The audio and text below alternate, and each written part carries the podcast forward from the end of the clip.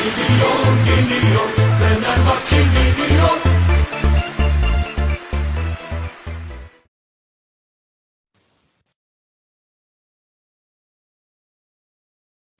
Merhabalar. Tarihin en kötü Sevilla'sına Kadıköy'de elendik. Hoş geldin Bahattin. Hoş bulduk Can.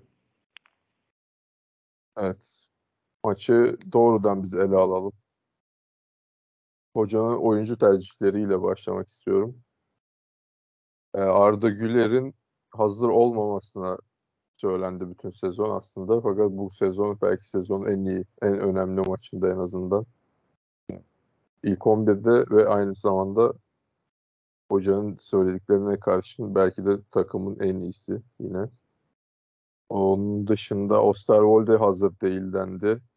Sol bek Lincoln sakatlanmıştı fakat başka bir çözüm üretilmeden Osterwolde sağdaydı. Bugün Osayi Samuel mesela sağda sağ tarafta Ferdi sol tarafta oynamadı. Aynı şekilde Mert Hakan Yandaş e, uzun süredir oynamıyor. Bazen kadroya giremiyor özellikle deplasmanlarda. Fakat ona rağmen gün yani Sevilla maçında kurtarıcı olarak sahaya giriyor. Bunların yanında Valencia ile Arda gol artık gol atılması gereken 82'den sonra ki dönemde oyundan çıkıyor. Yerine uzun sürede oynamamış Pedro giriyor. Akabinde de hoca e, Türkiye Ligi'nin gerçekliği yok gibi bir şeyden bahsediyor ki sanki Türkiye Ligi gerçek değil de Avrupa Ligi de mi gerçek değil sonuçta seviyeyi elemeyeceksen neyi eleyeceksin diye bir insan düşünüyor. Tüm büyük maçlarda oyuncu tercihleri eleştirilebilecek, oyun tercihleri eleştirilebilecek bir hoca var. Ne düşünürsün bununla ilgili? Ya bir defa dediğin gibi e, ilk 11 tercih açısından e, bazı e, değişik tercihleri olduğunu kabul etmemiz lazım. Yani üçlü savunma konusunda tamam olabilir. Ancak e, Arao yerine İsmail'in tercih edilmesi ve özellikle Arda Güler'in de tercih edilmesi e, belki Orgi Jesus'un farklı arayışlar içerisinde olduğunu gösteriyordu. Yani bu maçı hem tempo hem yaratıcılıkla çözmemiz gerektiği konusunda sanki e, bir değişikliklerde. Dediğim gibi yani Arda Güler'in performansını değerlendirirsek yani ilk e, belki de bu kadar ciddi maçında 90 dakika oynadı ve yani çok da sırıtmadığını söyleyebiliriz herhalde. Yani 84 dakika dediğin gibi sahada kaldı yaklaşık olarak ve yani özellikle ikinci yarının başlarında çok etkili olduğu dakikalar oldu. Ve yani sürekli oyunun temposunu belirledi. Güzel e, paslar attı. Dediğin gibi bir sıkıntı görmedik. Yani seviyenin çıkışlarında da çok etkili olmadığını e, gördük. Yani o yüzden çok problem olmadı. Ve aynı zamanda dediğin gibi Jorge yani Türkiye Ligi'ni böyle e, karalaması da çok benim de hoşuma gitmedi. Yani tamam bizim de bildiğimiz bir gerçek ama bunu kendisinin özellikle bir futbol adamı olarak söylemesi bana yanlış geliyor. Yani bunu söyleyecek adamlar Jorge Jesus değil. Yani diyecekse ya yöneticiler diyecek ya taraftarlar diyecek. Ama e, dediğin gibi yani bizim futbol kalitemizin düşük olduğunu söylüyor ama yani baktığın zaman seviyede eleyebilecek bir takım var sahada. Bilmiyorum ben çeliş, çelişkili gördüm yani açıklamalarını.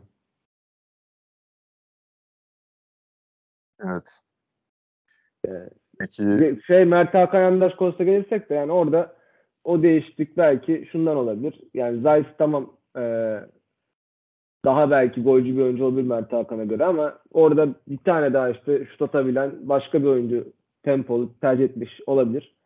Ama ben çok onu çok şey yapmadım yani yadırgamadım ama Valencia'nın bence özellikle e, skorun ortada olduğu her maçta 90 dakika oynaması gerektiğini düşünüyorum. Yani takımın bir numaralı skor gücü yani Valencia ve Arda'nın da bu maçta 90 dakika yani 10 dakika daha çıkarabileceğini öngörmek çok yanlış olmaz bence. Yani ikisi de yorgundu bu arada. Onu söylemek lazım ama. Ya ben Valencia'nın yorgun olduğu zamanda da 90. dakikada çok maç kurtardığını gördük Valencia'nın. Hani yorgun olsa bile bir şekilde topu içeri atabilecek bir numaralı oyuncu ve on- onun kapasitesine yakın bir oyuncu olsa ya da o forma yakın bir oyuncu olsa tamam o zaman gel değiştir diyebiliriz ama çok mantıklı gelmedi özellikle Valencia'nın çıkması. Evet yani işte bir de hani yorgun oyuncuyu yani hani 90 gerçi evet forvet sonuçta çıkmaması gerekir doğru. Yani bir Hiçbir şey şekilde yok. arkadaki oyuncuların yaratıcılığını kullanarak yani Valencia'nın çok fazla belki e, ilk başlarda ilk, ilk 60-70 dakika topu da yani orta sahada alıp e, driplinglerle taşıyordu. Bu tip aksiyonlar da yapıyordu. Bunları azaltıp bir şekilde ceza sahası golcülüğüne dönüştürebilirdi. Yani illa yorulduysa bile bu şekilde kullanabilirdik. Evet, şimdi oraya da gelmek istiyorum. İlk dakikasına itibaren maçın. Bence şu ana kadar gördüğümüzden biraz farklı bir kurguyla oynadı Fenerbahçe. Yani zaten üçlü. Ama İsmail'le beraber Arda ile beraber böyle orta sahada Zayç solda Ferdi bu dörtlünün topa hakimiyeti kurup yani Osterwolde'yi solda oynatmayıp topu alması, almaması üzerine. Onun yerine Valencia gelip oradan topu alıyor mesela. Böyle hani benim için biraz illüzyon oldu. Ben mesela ilk yarıda sana da yazdım yani her şey işliyor neden gol atamıyoruz? Yani top iyi oynuyoruz bence. Top bizde kalıyor işte paslar ileriye doğru çok yan pas gibi de değil. Yani yan paslar da çok var ama ileri pasta yapılabiliyor. Arda'dan dolayı özellikle ya da Arda bir adam geçiyor hemen iki adam eksiltiyor. e, hücum ediyoruz. Ama ona rağmen neden olmuyor? Neden gol olmuyor gibi. Yani neden pozisyona giremiyoruz gibi bakıyordum. Ama şimdi düşününce bu kadar çok orta saha oyuncusuyla aslında biraz biz orta sahaya sıkıştırmış olduk maçı. Zaten Valen e, Sevilla birkaç adım geride karşıladı normalden bizi bence. O sebeple sanki onların tuzağına mı düştük biz acaba? Ya tabii Sevilla'nın Fenerbahçe ilk 11'ine baktığı zaman yani değerlendirdiğinde yani hücum olarak yaratıcılık tehditlerinin hani Zayt, Arda, Ferdi gibi olduğunu görebiliyoruz ve hani özellikle sağ kenara daha sıkı kapatarak sol kenarda belki Osterwolde'nin çok da ciddi bir tehdit olmamasını değerlendirerek oralardan risk almaya çalıştı. Orta sahayı kapatmaya çalıştı. Ve e, burada tabii biz de ileride bence çoğalamadık. Yani dediğim gibi belki ilk 45 dakika Sevilla'nın hiç atak yapmasına e, izin vermedik. Ama kendimizin de böyle bir net pozisyonu var mı desem pek yok. O açıdan hani tamam paslaşıyoruz. E, oyunu ön tarafa yığdık. Sevilla da belki bunu kabul ederek geri çekildi. Onu da bilemiyorum. Özellikle zaten ilk 15-20 dakika Fenerbahçe'den bir gol yemeyelim, erken bir gol olmasın diye zaten onlar da çok temkinli başladılar.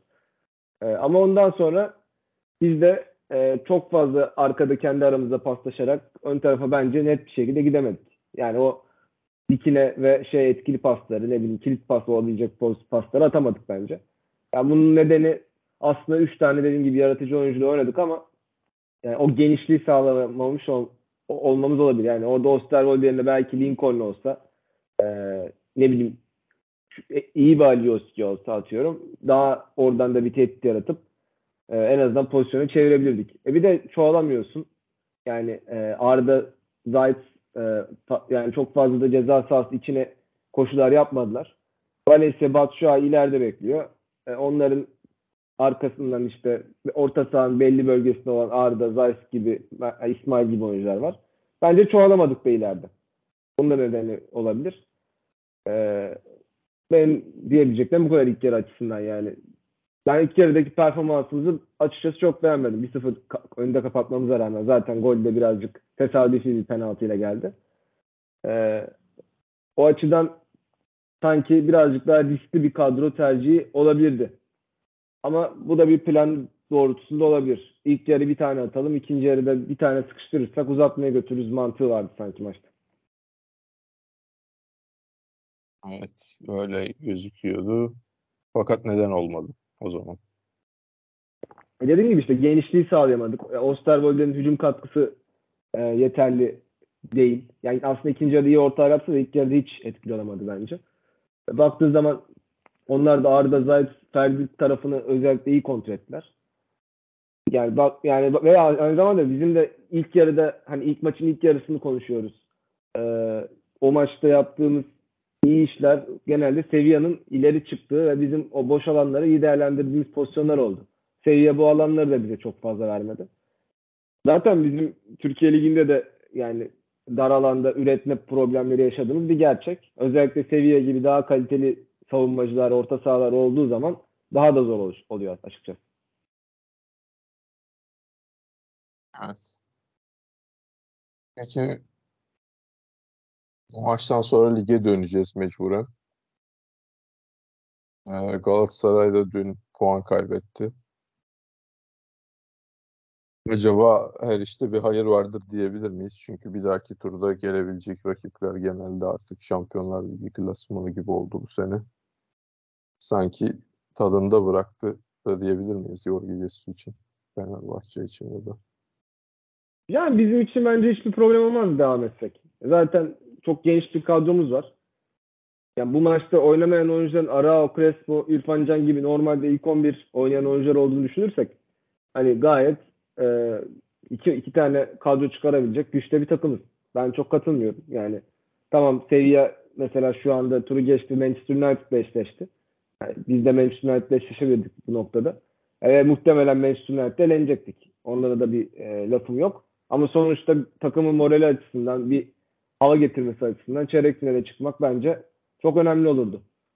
Böyle bir turu geçmek hem Türk futbolu açısından hem Fenerbahçe'nin puan kazanması açısından hem para kazanması açısından her açıdan önemli bir katkı olurdu. Yani ama tabii baktığın zaman e, Batu Şahin'in şimdi mesela sakatlandığını gördük.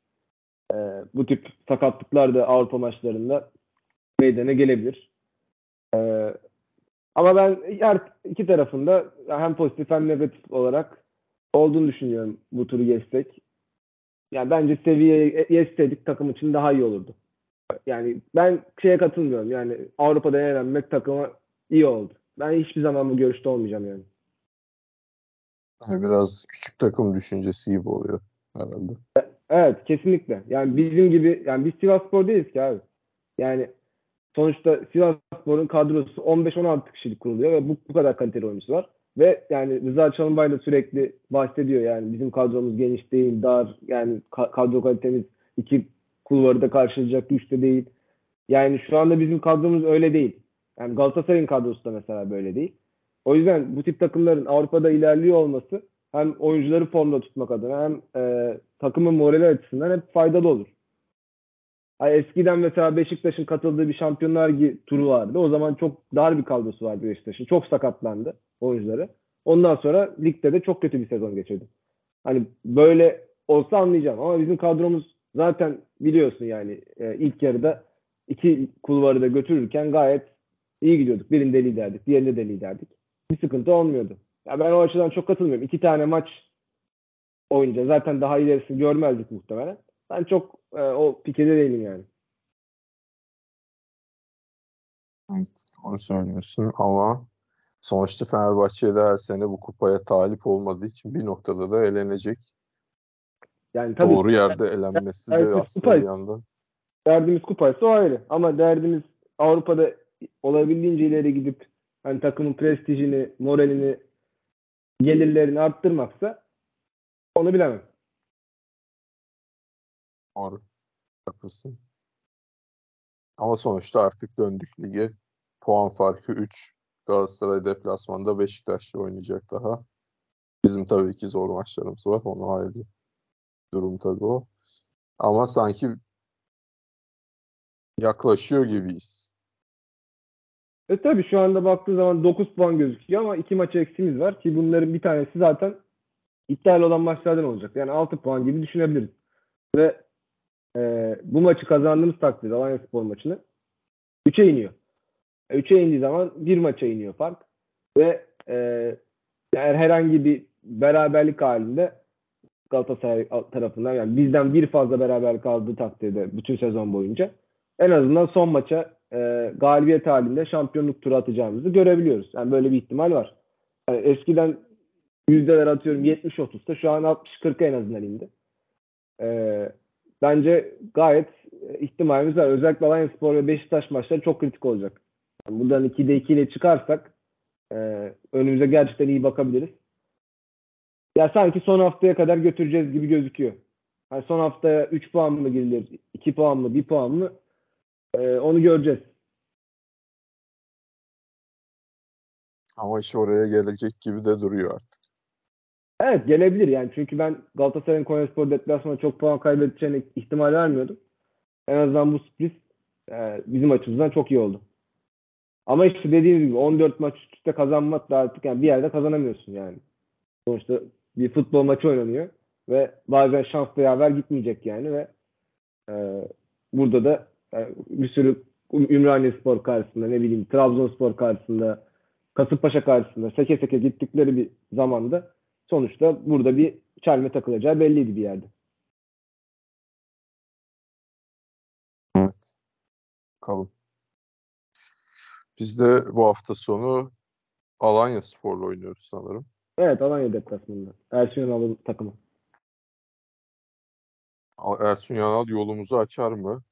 Açması gerekir mi? Biz kendi kendimize açabilir miyiz Alanya'yı? Nasıl durumlar? Alanya biraz toparlamış gibi geliyor Ersun Hoca'dan sonra. Ya Başakşehir'i yendiler geldikten hemen sonra. Sonra da Ankara gücüne e, kaybettiler. Yani aslında ilk maçta Başakşehir'e karşı gördüğüm kadarıyla hani böyle topu tamamen Başakşehir'e verip e, eski alışkanlıklarından defanstan kısa pasla, pasla çıkmaktan falan vazgeçmiş gibi duruyorlardı ve savunma takımı olmaya sanki e, takımı adamış gibi gözüküyor Ersun Yanal. Ankara gücü maçında gördüğüm kadarıyla da e, Ankara gücünde aslında topu Ankara gücü Alanya Spor'a bıraktı. Yani topu Alanya Spor'un elinde patladı diyebiliriz ve onların da yine defanstan çıkarken bazı yaşadığı problemler yine gol yediğini gördük mesela. Bazı alışkanlıklar da kolay tabii terk edilmiyor. Ya burada muhtemelen Fenerbahçe karşısında ya ileri uzun vurup topun işte %60-70 arasında kalması gerektiğini düşünecektir Ersun Yanal. Ee, biz de tabii üretkenliğimizi kullanmamız gerekecek bu maçta. Ya ben Alanya Spor'un iyi bir savunma takımı olduğunu düşünmüyorum. Yani böyle zor açacağınız bir takım ol- olacağını zannetmiyorum. Ya ben herkes zorlanacağımızı düşünüyorum ama ben zorlanmadan kazanacağımızı düşünüyorum.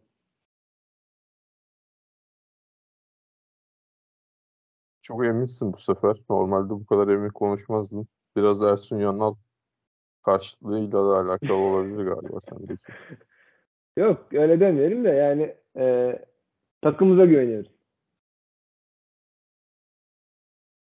Öyle diyelim. Peki öyle olsun. Yani ben yak böyle 2-0'lık hatta 3-0'lık bir maç bekliyorum. 2-0-3-0 civarı. Evet bakalım. Ben de muhtemelen o tarz. Hele ki Galatasaray mağlubiyetinden sonra daha da motive olacaklardır diye düşünüyorum oyuncular. Evet yani hem Valencia'nın hem Ferdi'nin zaten varlığıyla beraber e, belki yani bu maçta nasıl ilk 11 çıkacağını tabii birazcık tespit etmek zor olacak. Ama 4 bir savunmaya dönüş olacaktır muhtemelen bu maçta. Arao'yu gene görebiliriz. Ee, o yüzden belki Arao Zayt yap yapması mantıklı olabilir bu maçta Crespo'dan ziyade. Ön tarafta da herhalde gene Valencia King'i göreceğiz. Başka bir çaresi yok gibi gözüküyor. Arda'yı oynatacak mı? Bakalım en büyük soru işareti o. Yine oynatırsa aslında bence oynatması gereken bir maç. Ee, ama İrfan Can'ı da tercih edebilir. Bakalım.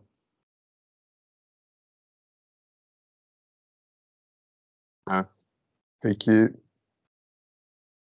yani, yani aslında mesela dünkü o geçen seferki Sevilla maçından sonra aslında sezon sonuna kadar Arda'nın da oynaması gerekir diye düşünüyorum ben. Katılır mısın buna? Sadece Alanya maçından bahsetmiyorum yani genel olarak. O oyun daha bir uyuyor sanki Arda, Ardalı oyun. Ya bu Arda'nın bu maçta oynaması sebebini hani Jorge Jesus sonuçta belli bir bize prensip e, aşılattı. Yani nerede oynatıp nerede oynatmayacağını az çok anlayabildim gibi düşünüyorum ama Sevilla maçında oynatması nedeni belki Sevilla'nın ilk yarıda tamamen geri çekileceğini düşünüp e, çok da arka tarafı tehdit etmeyeceğini düşünmüş olabilir. O yüzden ilk başta Arda ile başlayayım. Ondan sonra nasıl Arda kötü oynarsa çıkarırım, iyi oynarsa devam ettiririm diye bence düşündü. Ki Alanya Spor maçında da bence böyle sol bekten çok tehdit yaratabilecek falan bir oyuncu yok. Yine bence tercih etmesi gerekir. Yani maç özelinde baktığımız zaman bize çok ciddi tehdit yaratabilecek sol bek oyuncuları e, ya da kanat oyuncuları yoksa bence kesinlikle tercih edilmesi lazım. Yani, hani baktığımız zaman yani diğer maçlarda da minimum 30 dakika oynaması lazım. Böyle bir tehdit varsa bile sonradan oyuna sokarak e, bir şekilde verim alabiliriz. Ya ben 30 dakika ile 75 dakika arasında Arda'nın oynaması gerektiğini düşünüyorum her maç. Yani Peki illa her maç 90 oynasın değil. Yani ben 90 oynaması gerektiğini her maç düşünmüyorum. Bazen de- dediğimiz gibi fiziksel olarak hakikaten düşebiliyor. Ve Arda hakikaten böyle kendini sakınan ve kendi enerjisini de böyle koruyabilen bir oyuncu değil. Gidiyor orta sahadan top alıyor, defanstan top çıkarıyor. Oraya koşuyor, buraya koşuyor. Hani normal bir profesyonel oyuncunun sergilediği enerjinin belki bir buçuk katı kadar enerji sarf ediyor yani. ama mesela geçen maçta bayağı yüksek tempo oynadı ama 80 ve 85'e kadar da iyiydi yani şey değildi. Tabii hani ben çıkar, çık- bu sefer sırıtmadı ama sırıttığı maçlarda oldu. Yani bir, bir maçta çıkmıştı ilk 11. Kötü oynamıştı. Hangi maçta hatırlamıyorum. Kasıp, Kas- Kasımpaşa mıydı? Konya mıydı? Bir maçta çok da iyi bir performans sergilemedi. Kayseri, Kayseri. Kayseri deplasmanı. Ya o maçta mesela özellikle ikinci yarıdan sonra çok düştüğünü gördük. Ama bu maçta hiç öyle bir şey olmadı. Bence Alay maçta da e, yani sanki şey yapabilecek, kaldırabilecek kapasitesi var ama oynatmasa şaşırmam. İki maç üst üste olacağı için hafta içi hafta sonu yapmaya da bilir.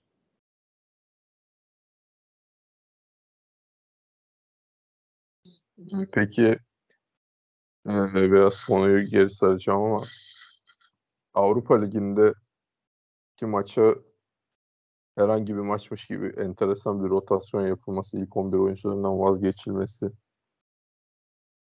muhtemelen de ligi düşünerek vazgeçilmiş olması sence ne kadar doğru? Yani hocanın lig bizim önceliğimiz şeklinde bir düşüncesi gerçekten varmış. Bundan önce blöf yapıyor gibi düşünüyorduk. Ama sanki öyle değilmiş. Ya bence şöyle oldu. Yani ilk Avrupa Ligi seviye deplasmanında yani olabildiğince en az kadromuzda çıktık. Ve yani bu bence atıyorum o maçı 1-1 falan tamamlasaydık bence gene asa yakın bir kadroyla çıkacaktık. Ama skorun 2-0 olması biraz bence Jorge Jesus'u etkiledi. Yani baktığın zaman burada tur geçme ihtimalimizin e, çok da fazla olmadığını bence öngörerek belli başlı en azından kilit oyuncularını dinlendirmek istedi. Yani çok süre alan Arao'yu, ne bileyim çok tempo yapabilen Crespo'yu. Zaten İrfan Can formsuzdu onu da değer, değerlendirmek istemedi. Ya Osterwolde'yi de bir yerde e, takıma monte etmek için de aslında çok da uygunsuz bir maç değildi. Baktığın zaman hem Ferdi'yi sağda kullanabilmek adına hem Osterwolde'yi e, takıma monte etmek adına ki sanki bir şeyler verebileceğini de gösterdi. Yani bence fena da olmadı. Ya benim burada tek sürpriz olarak karşılayabileceğim tercih İsmail oldu. Yani çünkü İsmail hiçbir lig maçında 5-6 maçta herhalde süre almıyordu bile. Ya bir anda ilk 11'de görünce ben bir şaşırdım. Ama İsmail iyi, kötü mü oynadı? Bence gayet iyi oynadı. Bir sıkıntı yoktu yani. Yani bence kendini çok az- hazır tutmuş ve diğer bu arada İsmail de diğer Avrupa Ligi maçlarının rotasyonda olduğunu da söylemek lazım. Yani birçok Avrupa maçında zaten ilk 11 oynadı. Evet, doğru söylüyorsun. Yani tamam hani Peki- son dönemde oynamıyordu ama önceki Avrupa Ligi durumuna bakarsak yani özellikle grup maçlarının 6 maçın 4'ünde falan ilk 11 oynamıştır herhalde. Doğru. Peki elendikten sonra en kötü üçlüyü seçelim. E, birinci King diyeceğiz herhalde. Efendim? Birinci King diyeceğiz herhalde. Tabii King çok kötüydü. King olmasaydı, başka biri olsaydı yani Batshuayi kalsa bile fark edebilirdi maç. Batshuayi'nin de ilk dakikada da o yaptığı vuruş beni benden aldı yani. Hani bayağı bence kaleyi görebilen bir net bir yerden çok kötü bir vuruş yaptı mesela. Yani ama Batshuayi'den şaşırmadığımız bir durum yani. Bazen çok garip vuruşlar da yapabiliyor. maalesef. Peki ikinci? İkinci oyuncu olarak en kötü Hmm. Valla. Yani böyle İrfan Can herhalde. Yani ilk iki maçı ar- ararak düşünmesek de bir maçta en kötülerden biri oydu. İlk maçta. O maç zaten oynamadı bile. O kadar kötü. Evet. Peki üçüncü Üçüncü kim olabilir? Serdar Aziz diyebiliriz belki ya. O uzun toplar ne ya? Evet. Serdar Aziz'in bir, bir iş becerdiğini görmedim. Çünkü Samet'le Salay bence ilk maçta iyi işler çıkardı. İkinci maçta da iyiydi bence Samet. Evet, Yani birkaç top hatası yaptı. Evet. Yani bak Serdar olabilir dediğin gibi. Yani belki Crespo diyeceğim. Ama Serdar da olabilir. Hı, evet Crespo da kötüydü. Doğru. Crespo'nun ilk yarısıydı, ikinci yarısı kötüydü. En azından öyle bir şey vardı. Serdar'ın hani iyi olduğu bir yarı olmadı bence. Evet Serdar. Garipti yani. Peki o zaman. Bakalım artık seneye Avrupa Ligi'ni alırız. Sene. Seneye biz Lig Avrupa olsun. Ligi'ne katılabilecek miyiz emin değilim. Hmm, o da var tabii. Doğru. Konferans liginde Türkiye Kupası kazanan Avrupa şey Ligi'ne katılıyor mu? Katılıyor herhalde değil mi? Efendim? Kupasını kazanan. Türkiye Kupası'nı kazanan Avrupa Ligi'ne katılıyor herhalde. O- evet o mevcut. Şampiyonlar Ligi ön elemesi yok mu mesela şampiyonlar? İşte birinci takım Şampiyonlar Ligi ön ön elemesine katılacak. Yani dört Tamam tane bu ön ön eleme oynayıp katılmaya çalışacak.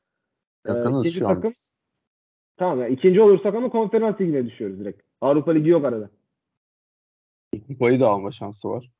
Tamam evet kupayı alma şansı var. Kupayı alırsak Avrupa Ligi'ne girebiliriz. Ya da Bence yani olursak- objektif bir ihtimaller şeyi yaparsak Fenerbahçe'nin konferans liginde oynama ihtimali oynamama ihtimalinden daha düşük. Muhtemelen oynamaz konferans liginde. nasıl yani?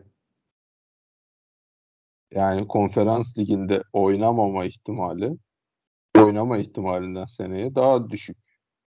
Yani ya şeydi Avrupa ya birinci olur, oluruz ya kupayı mı kazanırız diyorsun. Evet. Ya da ikisi de. Ama ikisinin de olmama ihtimali bence daha düşük.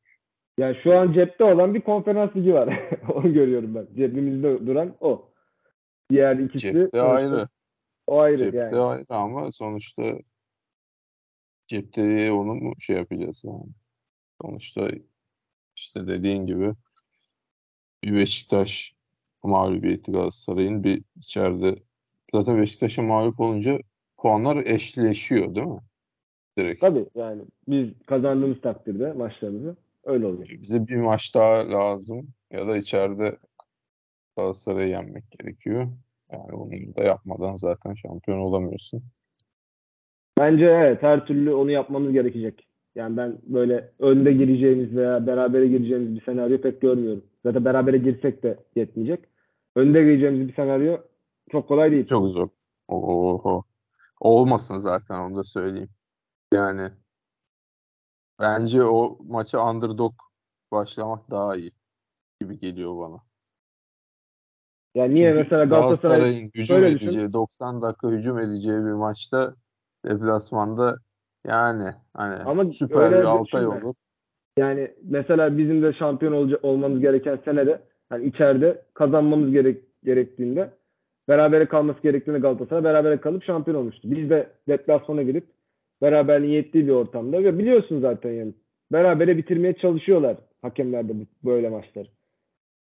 Yani o yüzden e, Evet beraberlik yani çok önemli olur. buz gibi bir tane gol atarsa ve üstlerine daha da gelirse sen onu çıkartamazsın yani. Fenerbahçe'nin bence o gün dezavantajı tamam hakem yani playoff maçındaki dezavantajı tamam hakem bitirmek istiyordu. Eyyam işte beraberlik falan. Ama şey de aynı zamanda Fenerbahçe de çok kontrollü bir oyun oynuyordu o dönem. He, derbilerde süperdik o, o ayrı. Galiba deplasmanda yenmiştik hatta biz Galatasaray'ı Evet, playoff'ta mi? deplasmanda Galatasaray bizi bayağı perişan etmişti ama şey olmuştu yani. Biraz şans da olsa yenmiştik. Yani Stoh'un o golüyle Volkan'ın efsane maçıydı. Gerçekten çok iyi maç oynamıştı. Ama ş- yani şunu demek istiyorum. Sonuçta Aslında- Galatasaray'ın Ha, orada nasıl oynayacağını ikimiz de biliyoruz. Aykut Kocaman gibi oynamayacaklar. Yani haldır uldur gelmece olur. Taraftar sahaya iner. Hani kazanması gerekiyorsa Galatasaray o maçı kazanır ama kaybetmemesi gerekiyor gibi bir durumda sanki Fenerbahçe'nin daha çok oyun imkanı olur ve bir tane atma şansı da yani tabii ki yani e, önde çıkmak da çok ayrı bir şey ama sanki Fenerbahçe atabilir de yiyemez de diyemiyorum yani. Yememesi Sonuçta gerekirse iki tane eğer- iki sonuçla cepte gidiyorsun. Yani beraberlik ve galibiyetin durumunda şampiyonsun. Öbür türlü sadece galibiyetinde şampiyonsun. Yani bunun sonuçta bir matematiksel yönü var. Tamam sen psikolojik faktörleri Galatasaray'ın iç saha avantajını ön plana çıkarıyorsun. Ama bu bazen olmuyor. E, Trabzonspor Fenerbahçe maçını düşün. İşte o ne zamandı? 90'larda oynanan maçı. Yani Trabzon'a o gerçi beraberlik mi gerekiyordu, gerekiyordu Trabzon'a. o zaman senin dediğine geliyor. Beraberlik yetiyor muydu Trabzon'a yoksa kazanması mı gerekiyordu? Ha, hiç hatır bilmiyorum. Yani Ama o biz maçı kazandık. biz kazandık. Evet. Yani öyle, öyle bir şey. Ama Trabzon neler kaçırmıştı yani. O maçta da bir sürü gol kaçırıp sonradan iki İşte o golle şampiyonu kaybetti. sanırım Evet. kazanmamız gerekiyordu. Yani evet sanki ben de öyle hatırlıyorum. Evet. Dolayısıyla kazanması gereken taraf kazanıyor abi. Bir de evet bazen o iç sahada oynama nedeniyle yeneceğiz Fenerbahçe'yi gibi bir motivasyonla çıkacaklar. Dediğin gibi bir tane garip bir golle falan öne geçip bir anda bütün üstünlüğü ele alabiliriz dediğin gibi. Hani bu da bir faktör. Ha, tabii matematiksel olarak benim aklıma çok yatmasa da psikolojik olarak dediğin doğru olabilir. Yani tabii orada da Aykut Kocaman'ın dediği gibi çabuk öne geçmemek gerekiyor. Yani öyle bir durum. Tabii. 1-0 tehlikeli sonuç. Evet. Orada biraz hak veriyorum. Psikolojisi eşim biraz öyle. Yani 15'te attığım 1-0 Ama iç sahadaki Aslında. yani Ay- Aykut Hocam'ın yaptığı açıklamalar ben çok katılmıyorum. Tamam e, bizi şampiyon yapmayacaklardı falan gibi bazı açıklamalar olmuştu. Ama ya Fenerbahçe'nin ilk yarıda bir gol attığını düşün. O taraftar nasıl gaza geldiğini. Yani oradan sonra o maçı Galatasaray'ın alması çok kolay değil.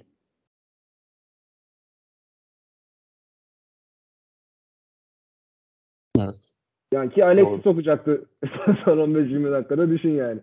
Top Alex olacak, oynayacak. Bir duran top olacak. Topu saklayacak falan. Bir şekilde maçı bitirirsin yani. Yani bitirirdi. Doğru.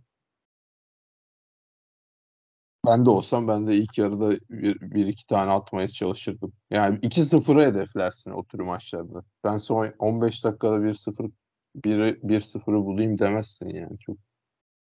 Ya tabii paldır, küldür, saldır demiyorum da hani en azından e, oyun üstünlüğü sende oldu ve e, yani rakibe sürekli gol at- at- atacağını hissettirdiğin bir maç olması gerekir. İlk 45 dakika itibariyle en azından. Yani topun %55-60 bizde kaldı ve ya atıyorum 8-10 şut minimum attığımız bir ilk yarı olması gerekiyor. O tip durumlarda.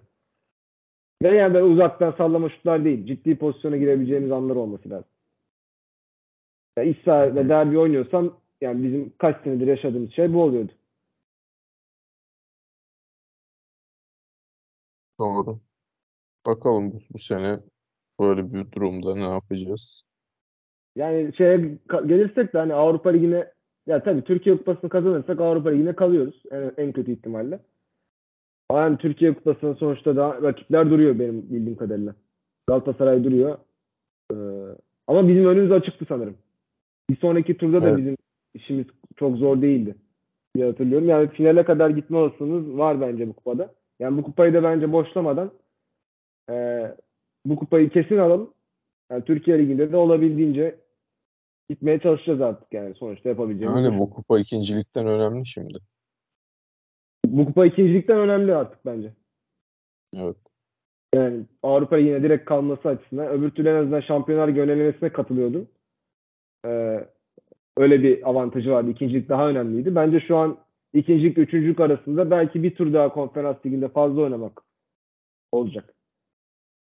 O da pratikte pek bir farkı yok. Evet çok Rakiplerin. zayıf takım olacak zaten. Konferans liginin aşağısındaki takımlar artık iyice zayıf oluyor. O Evet. yüzden oralardan yani gruplara kalmama gibi bir ihtimalimiz olmaz konferans liginde. Evet. Doğru. Peki o zaman. Ee, ağzına sağlık. İnşallah Alanya galibiyetiyle bir dahaki yayını yaparız. Evet inşallah. Görüşmek üzere. Görüşmek üzere. Geliyor geliyor Fenerbahçe